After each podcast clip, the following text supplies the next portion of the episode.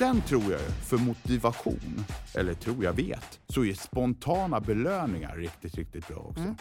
Ibland pratar man ju om julbonusar och du vet, såna här saker, kvartalsbonusar och allting.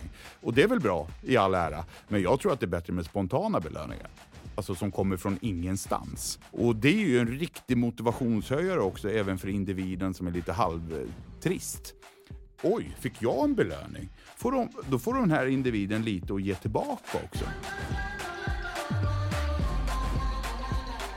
Kan man lära gamla hundar att sitta? Det undrar vi på tre och har därför idag Fredrik Sten i vår studio som ni kanske känner igen som hundcoachen i TV4 eller har du kanske lyssnat på hans sommarprat? Han, tillsammans med vår host Sofie Ljungmar, ska i detta avsnitt prata om just det och varför man inte ska vara smågrinig och att den där dumma stoltheten, ja, den kan vi lägga på hatthyllan.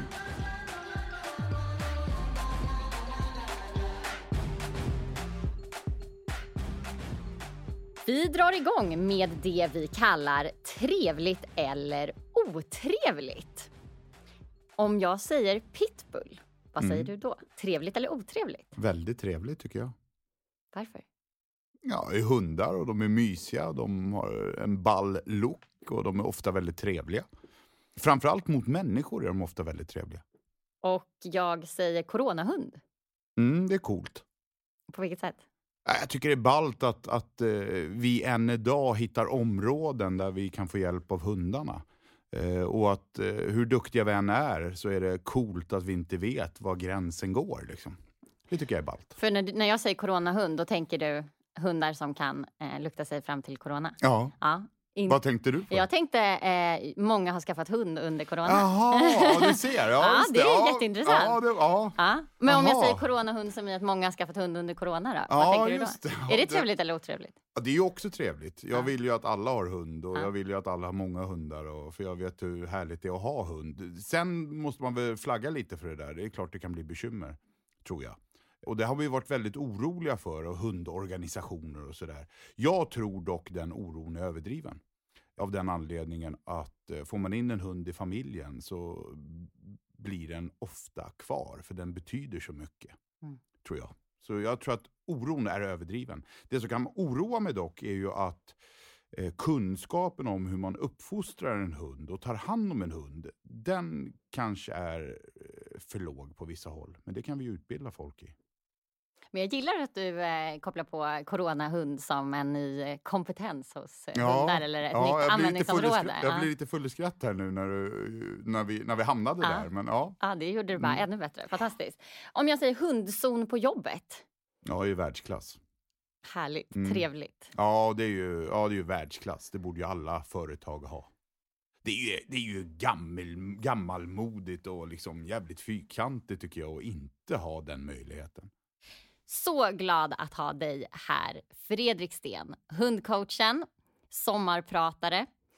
Vi är genuint intresserade av ledarskap på tre och ska träffa ledare utifrån som jobbar med helt andra saker för att se vad vi kan lära oss om ledarskap, få lite nya perspektiv och insikter. Och idag är jag jättenyfiken på att höra vad kan vi lära oss av att leda hundar. Mm. Så om du skulle få säga en sak som är det viktigaste mm. i ledarskapet mm. när det kommer till att leda hundar, vad är det? Relation.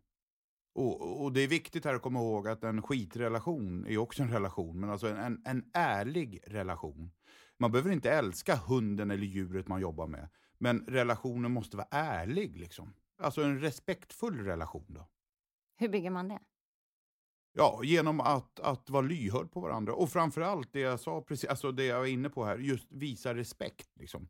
Jag hatar ju bland annat det här uttrycket en hund ska aldrig. En hund ska aldrig hoppa upp på människor. En hund ska aldrig morra åt någon. En hund ska aldrig göra ditt. En hund ska aldrig göra datt. Det har jag hört sedan jag var liten pojk. Och jag har alltid ställt mig frågan, eh, varför inte det?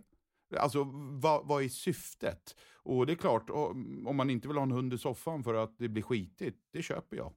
Men kom inte med något annat, liksom, att, det skulle, att man skulle förlora i ledarskap eller någonting i den här stilen. Så alltså en ärlighet, en respektfullhet mot individen. Mm. tror jag är oerhört viktigt. Och det låter ju lite flummigt och lite PK och sådär. Men, men då får du väl göra det, för det är ju det det, är ju det, det handlar om. Liksom. Leder man olika hundar på olika sätt och bygger man den här relationen på olika sätt? Ja, det tycker jag man gör. Man måste ju vara extremt lyhörd på vad, vad individen går igång på, så att säga. Och vad, åt båda håll, så att säga. Vad den, vad den inte tycker om eller vad den reagerar negativt på och vad den reagerar positivt på. Det är ju väldigt olika från individ till individ. Så ja, man gör ju det olika. Ja, hur, mm. hur hittar man den drivkraften hos hundar? Vad, vad den drivkraften är? Jag tror att man måste vara ärligt nyfiken på andra människor. Ja, nu höll jag på att säga människor. Nej, men alltså, det, är ju samma sak vill jag ju påstå. Man måste vara nyfiken. Liksom. Mm. Man måste vara, äh, återigen, alltså, se varje individ som en enskild individ och liksom titta, äh, läsa av individen framför sig och säga fan det där, det där gillar den här. Och så gasar man lite där och så får man se om man får något resultat på det. Eller också ändrar man taktik. Jag tror att det är viktigt att och, ja, titta på individen och faktiskt se individen. Mm. Ja, jag hör ju många saker du säger som jag direkt tänker går att koppla på människor i att bygga relation ja. och förstå varje ja. individ som du säger. Vad finns det som funkar på hundar men inte människor tror du?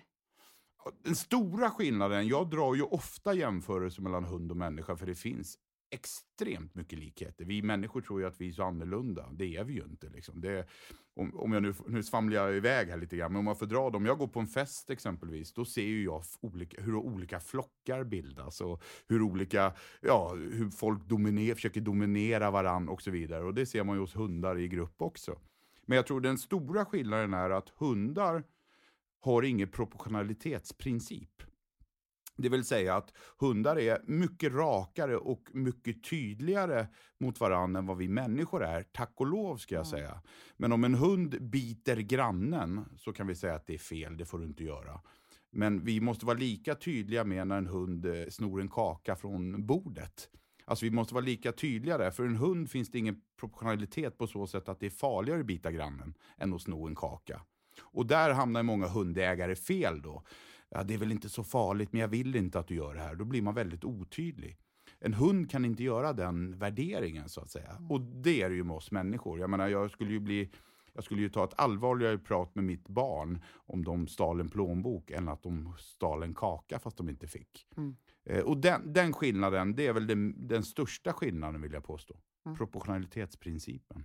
Det här är jättespännande. Mm. Hur mycket ska man jobba med att förstärka de mm. positiva beteendena mm. och hur mycket ska man fokusera på ja, men att jobba bort de mm. negativa beteendena? Det där diskuterar vi väldigt mycket inom, hund, eh, inom hunderiet så att säga. Där, ja, man, det här felen ska vi nonchalera bort och så vidare. Tyvärr är det ju så att väldigt många felbeteenden, om vi kan kalla dem så, eh, felbeteenden, jag tycker inte om att säga så, för alla beteenden är ju rätt så att säga, oavsett om vi inte gillar dem eller inte. Men det viktiga är ju det att man inte lurar sig. Det finns ju felbeteenden som är självförstärkande.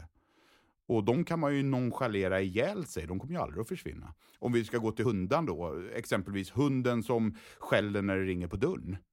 Ja, det kan jag nonchalera i tio år, den kommer aldrig att sluta skälla. Så sådana beteenden går ju inte att nonchalera bort, för det är ju självförstärkande. Hunden mm känner ju, mår ju bra av aktiviteten, av att släppa ut stressen så att säga. Så där måste man ju hjälpa hunden att bli tyst. Och så är det likadant med människor. Men där behöver man ju aldrig vara rädd. Det kan man ju alltid testa, oavsett om det är människor eller hundar. Att jag nonchalerar det här beteendet får jag se vilket håll det går åt. Och märker jag då att nej, det blir ju värre, då får man ju greppa det givetvis. Men att nonchalera ett felbeteende förvärrar, menar jag, inte något. Utan antingen funkar det eller också funkar det inte. Ofta inte. Ja, för det är ju svårt att bara lyfta att det här beteendet är dåligt, mm. något jag vill att du ska sluta med, mm. utan att då prata om vad är det jag vill uppnå då? Vad mm. är det mm. jag vill att du ska röra ja, dig precis. mot? Vad är det positiva beteendet jag vill mm. se?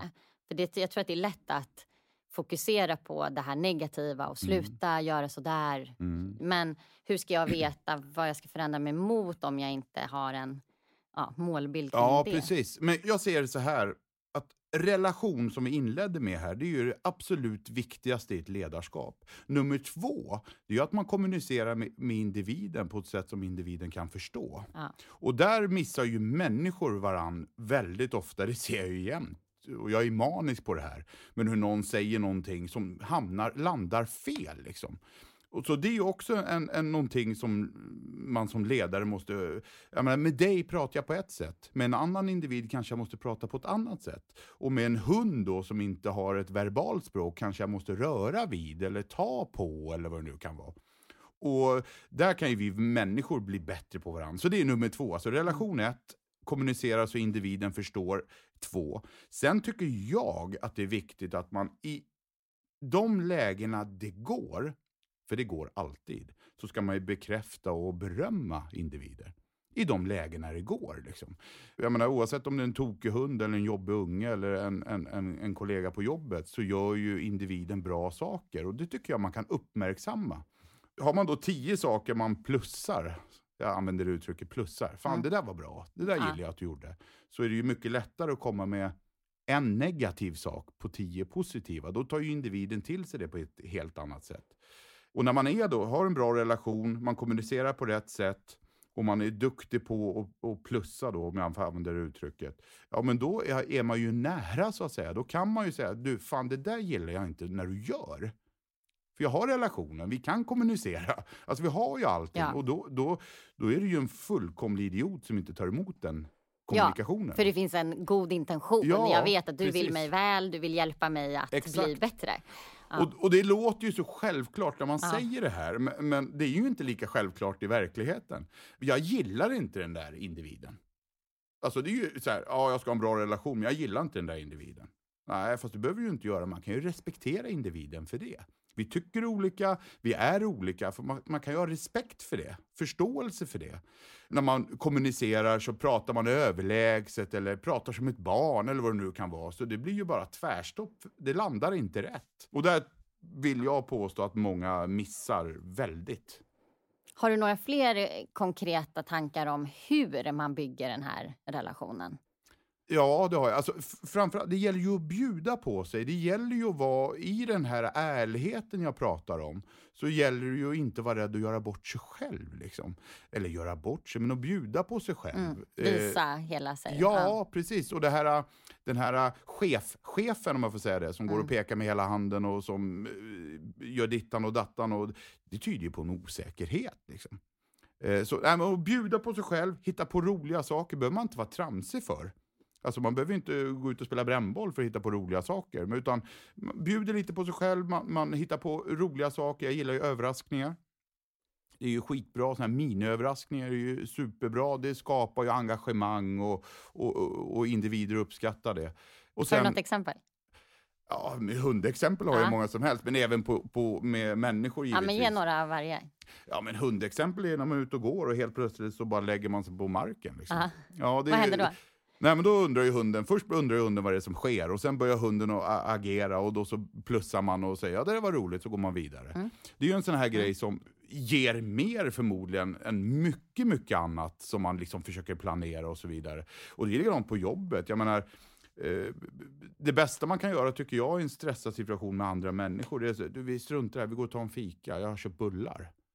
Det är så enkla saker man kan göra, liksom, tycker jag. Som ja, köpa med sig en tårta ibland. Eller... Mm. Ja, eller dela med sig om något personligt om sig själv. Som Ja, du säger. Så här, precis. Visste ni att Ja, jag exakt. var med om det här i helgen? Ja. Eller jag kan det här? tror det är väldigt viktigt om man, om man pratar om, om ärlighet och respekt och det här, att man faktiskt, eh, det, du, det här var jag med om i helgen, jag gjorde bort mig här eller vad det nu kan vara. Det tror jag är väldigt, väldigt viktigt för relationen. Vi har fått in en lyssnarfråga från en kollega här på tre. Mhm. Jonas undrar om man kan få gamla hundar att sitta. Det vill säga om jag har ett invant beteende Mm. hos en hund som den har haft med sig hela livet. Mm. Eh, Går det här att ändra på? Mm. Det är ju så här att ju mer, inom vissa gränser givetvis, men ju äldre du är, desto mer erfarenhet har du. Ju äldre du är så har du sannolikt lärt dig mycket, mycket mer. Och du har förmågan och kunskapen att eller du har lättare att lära mer. Jag brukar säga att ju mer en hund kan, desto lättare är det att lära den mer. Problemet är ju bara att ju äldre en individ är, desto svårare är det att imponera på den här individen. Desto grinigare blir de, kan man ju säga då. Och jag menar, om man pratar om hundar då, så har man en valp, då räcker det med att prata lite gulligt med dem så blir, börjar ju svansen gå. Sådär. Mm. Det går inte på en sju år gammal schäfer. Just det, de här överraskningarna som du pratar om är svårare att Ja, eh, precis. Man måste, där måste man ju bjuda på sig ännu mer. Att imponera på en valp kan alla göra, men en vuxen tuff schäferhund på sju år, det är inte så lätt att imponera på. Då måste man bjuda på sig ännu mer och kanske överraska individen ännu mer och så vidare. Lyckas man med det, lyckas man med det, då är det lättare att lära en gammal hund sitta. Jätteintressant eh, vinkling. Ja, och, och, och så är det. Liksom. Och jag tror att det är likadant med oss människor. Utan det handlar om motivation. Mm. Det är svårare att motivera en äldre individ. Men lyckas man med det, då är ju inlärningsmöjligheten för den här äldre individen högre än för unga människor. Mm, just det, men det måste verkligen komma inifrån Ja. ännu mer. Och, eh, och kanske också att jag behöver förstå det större sammanhanget, Mm. syfte. För jag har min världsbild Ja, och ska precis. du försöka rucka på den, Ja. då behöver jag verkligen förstå vad, what's in it for me, vad tar det här oss? Precis. Så, Och jag bjuder mm, på en kan det kaffe sen, det kan jag dricka hemma. Du vet, det är ju svårt att liksom, vad ska jag säga, komma åt Just en det. sån. Mm. Ja, men då får man liksom hitta på något nytt då. Mm. Ja, men tack för svaret. Hoppas att Jonas är eh, nöjd med det. Och, eh, Mm. Underskatta inte ett leende. Faktiskt. Och Mot äldre människor och, och, och äldre hundar också vill jag påstå. Det är också jätteintressant Mm. eh, tema. Det här med eh, tyst kommunikation. Mm. Det pratar ju du mycket om när det Ja. kommer till hundarna. Hur, vad kan vi ta med oss av det när vi leder människor? Ja, hur mycket som helst tror jag. Alltså, det är ju, jag menar, tyst kommunikation, det är, ju, det är ju det vi kommunicerar med.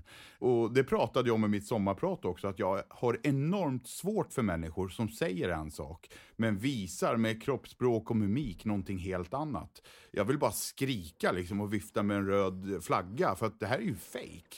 Och det där springer man ju på jämt och ständigt. Och där, det ska man ju tänka på givetvis, tycker jag, Eh, när man försöker kommunicera med andra individer. och det, Att man måste ju hjälpa till med kroppsspråk och mimik och grejer. För det, det, där, är ju, där är ju den största liksom, kommunikationsvägen, vill jag ju påstå. Prova att se sur ut och sjung Ida sommarvisa, det går ju inte.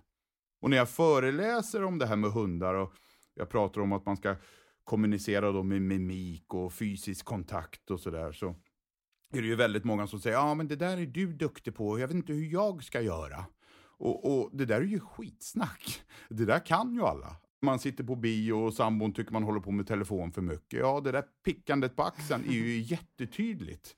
Och när jag tittar på sambon så ser jag det här griniga, ja okej, jag håller på med telefon för mycket. Alltså väldigt mycket går ju att säga med kroppsspråk och, och fysisk beröring och allting. Tycker jag i alla fall. Ja, och det här du säger med att eh, visa det jag står för Mm. och inte bara säga en sak. Det går ju också mycket ihop med det vi pratade kring att vara äkta och Mm. öppen Mm. och bygga ärliga relationer. Mm. Och det där har jag ju svårt, alltså, det, det är därför jag är så framgångsrik med hundar tror jag.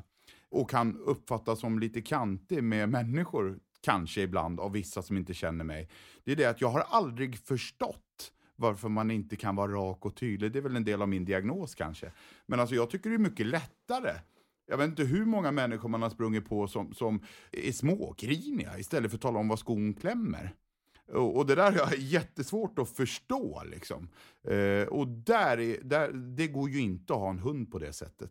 Utan en hund måste man ju vara spikrak med. Och man måste ju liksom, det där gillar jag inte, det där gillar jag. Mm. Och gå omkring och vara smågrinig hela tiden, det förstör ju bara stämning och man, det skapar otydlighet, man blir osäker. Vad, vad menar den här individen eller den här människan? Nej, det är ju helt värdelöst, Mm. tycker jag. Ja, jag tror att det är exakt samma sak med människor. Vi Ja. behöver vara tydliga i Mm. ledarskapet för Mm. att bygga den här tryggheten. Men Mm. däremot, som du var inne på tidigare, så behöver vi då ha byggt upp en positiv relation Ja. och eh, eh, där vi litar på varandra Mm. och ja, men har det här förtroendet Ja. sinsemellan för att den där rakheten ska kännas, ja men inte hård eller aggressiv Nej, utan precis. bara vänlig och tydlig. Har du något exempel på när med människor, när du ändå känner att det där verkligen har varit en framgångsfaktor? Din, din rakhet och tydlighet. Ja, det, det är ju en framgångsfaktor med människor som mår bra. vill jag ju påstå. Då är det ju nästan alltid en framgångsfaktor. För jag menar, om jag säger till eh, människor att vi, alltså, vi börjar jobba klockan sju på morgonen, säger vi.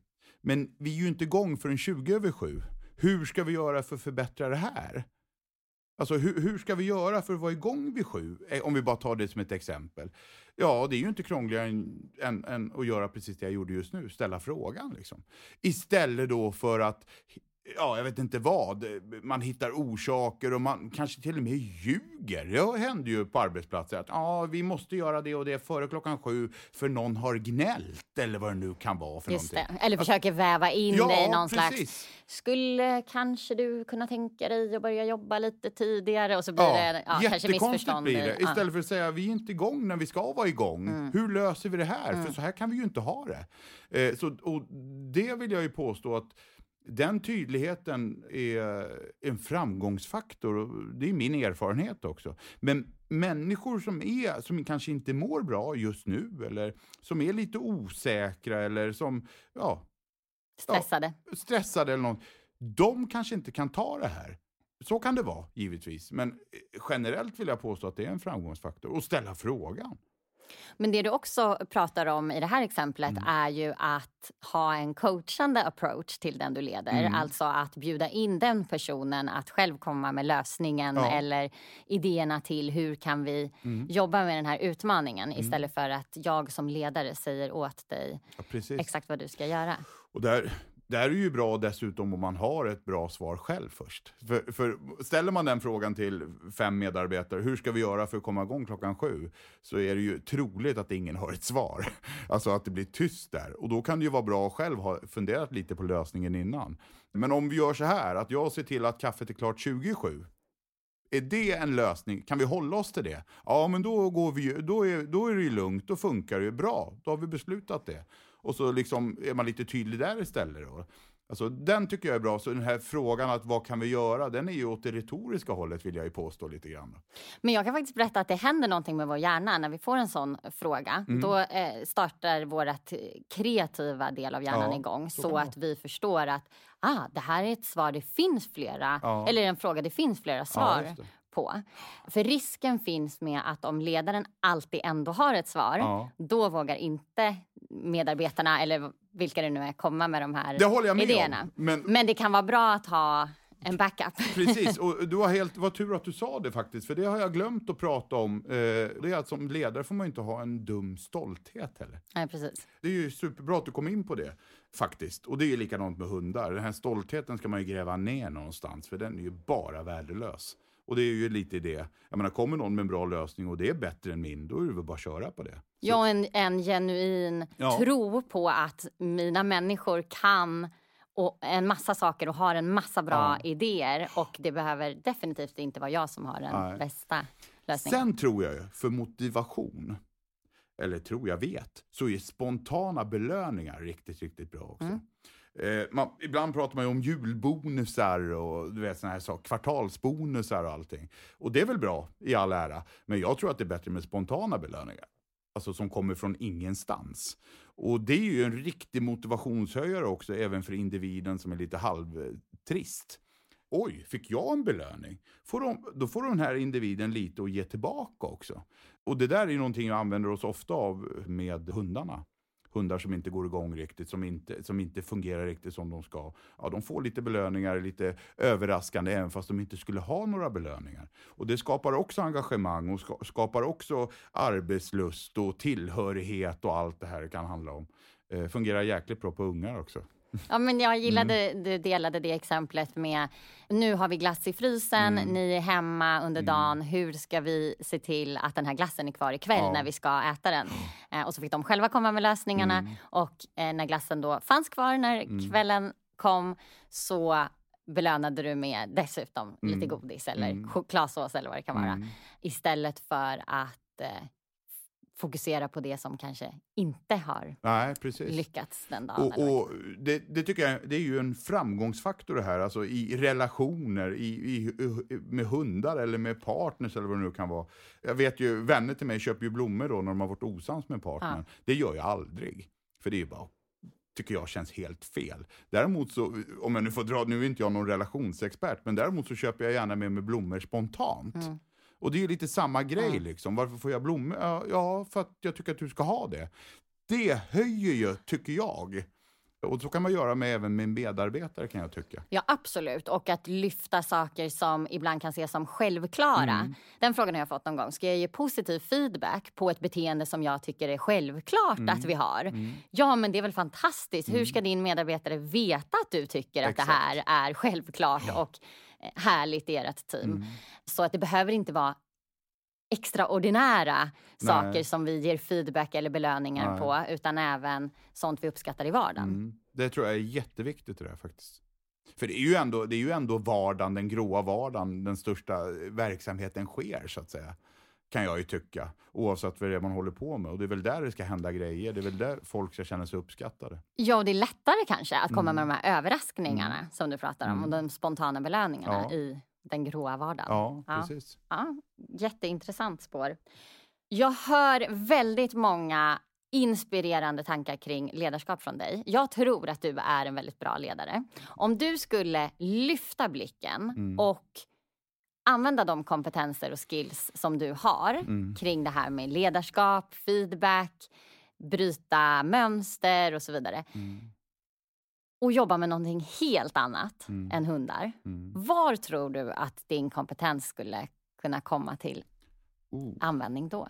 Ja, de sakerna jag ska säga här nu har jag ju jobbat med lite grann då. Nej, men jag tror att jag skulle vara bra som lärare.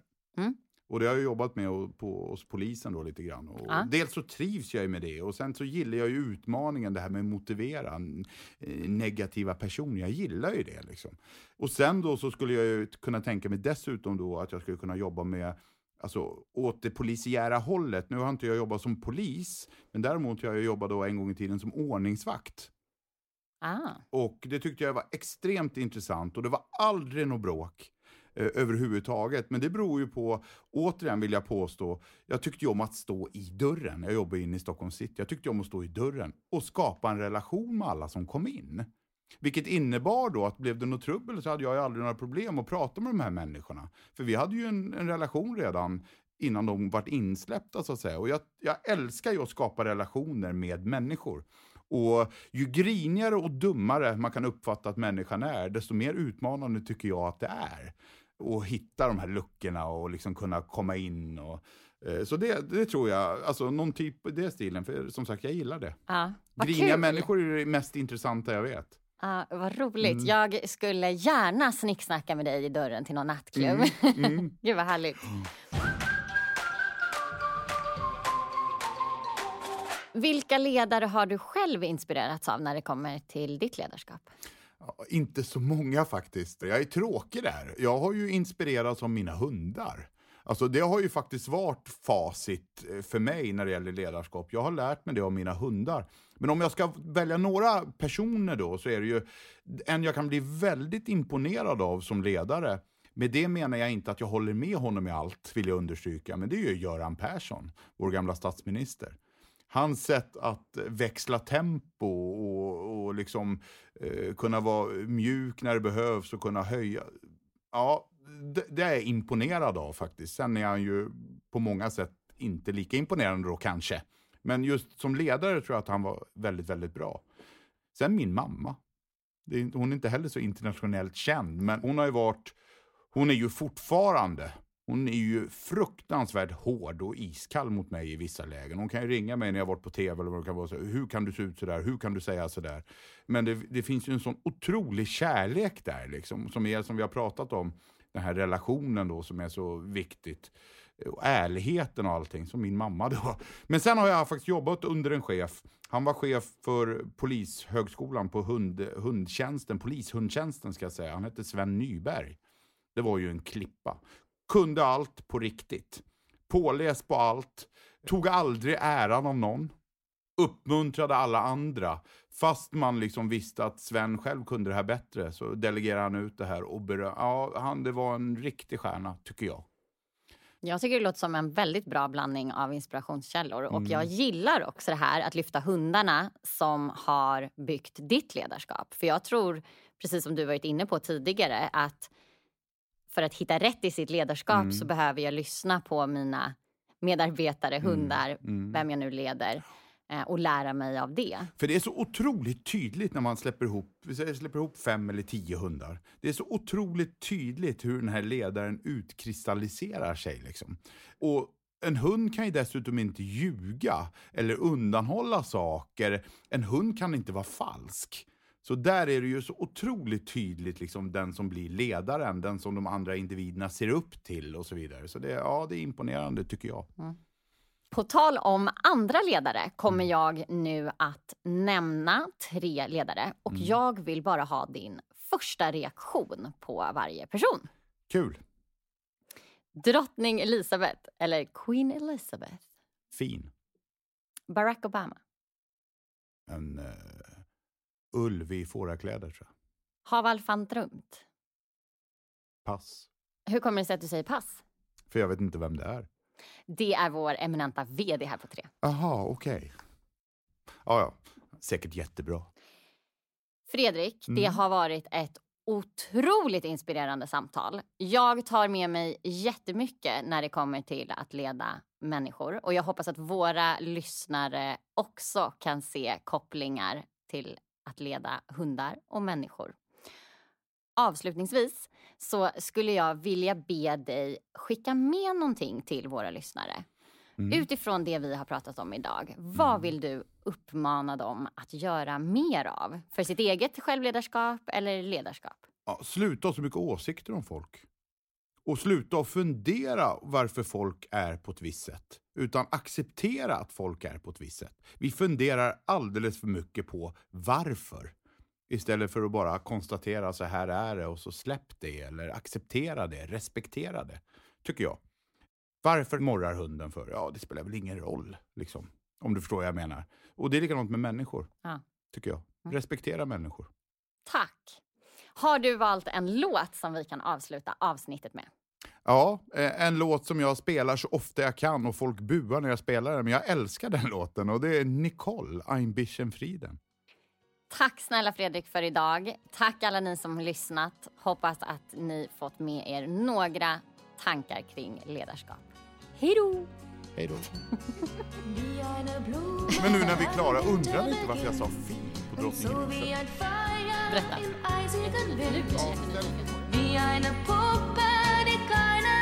Mag, fühl ich mich an manchen Tag.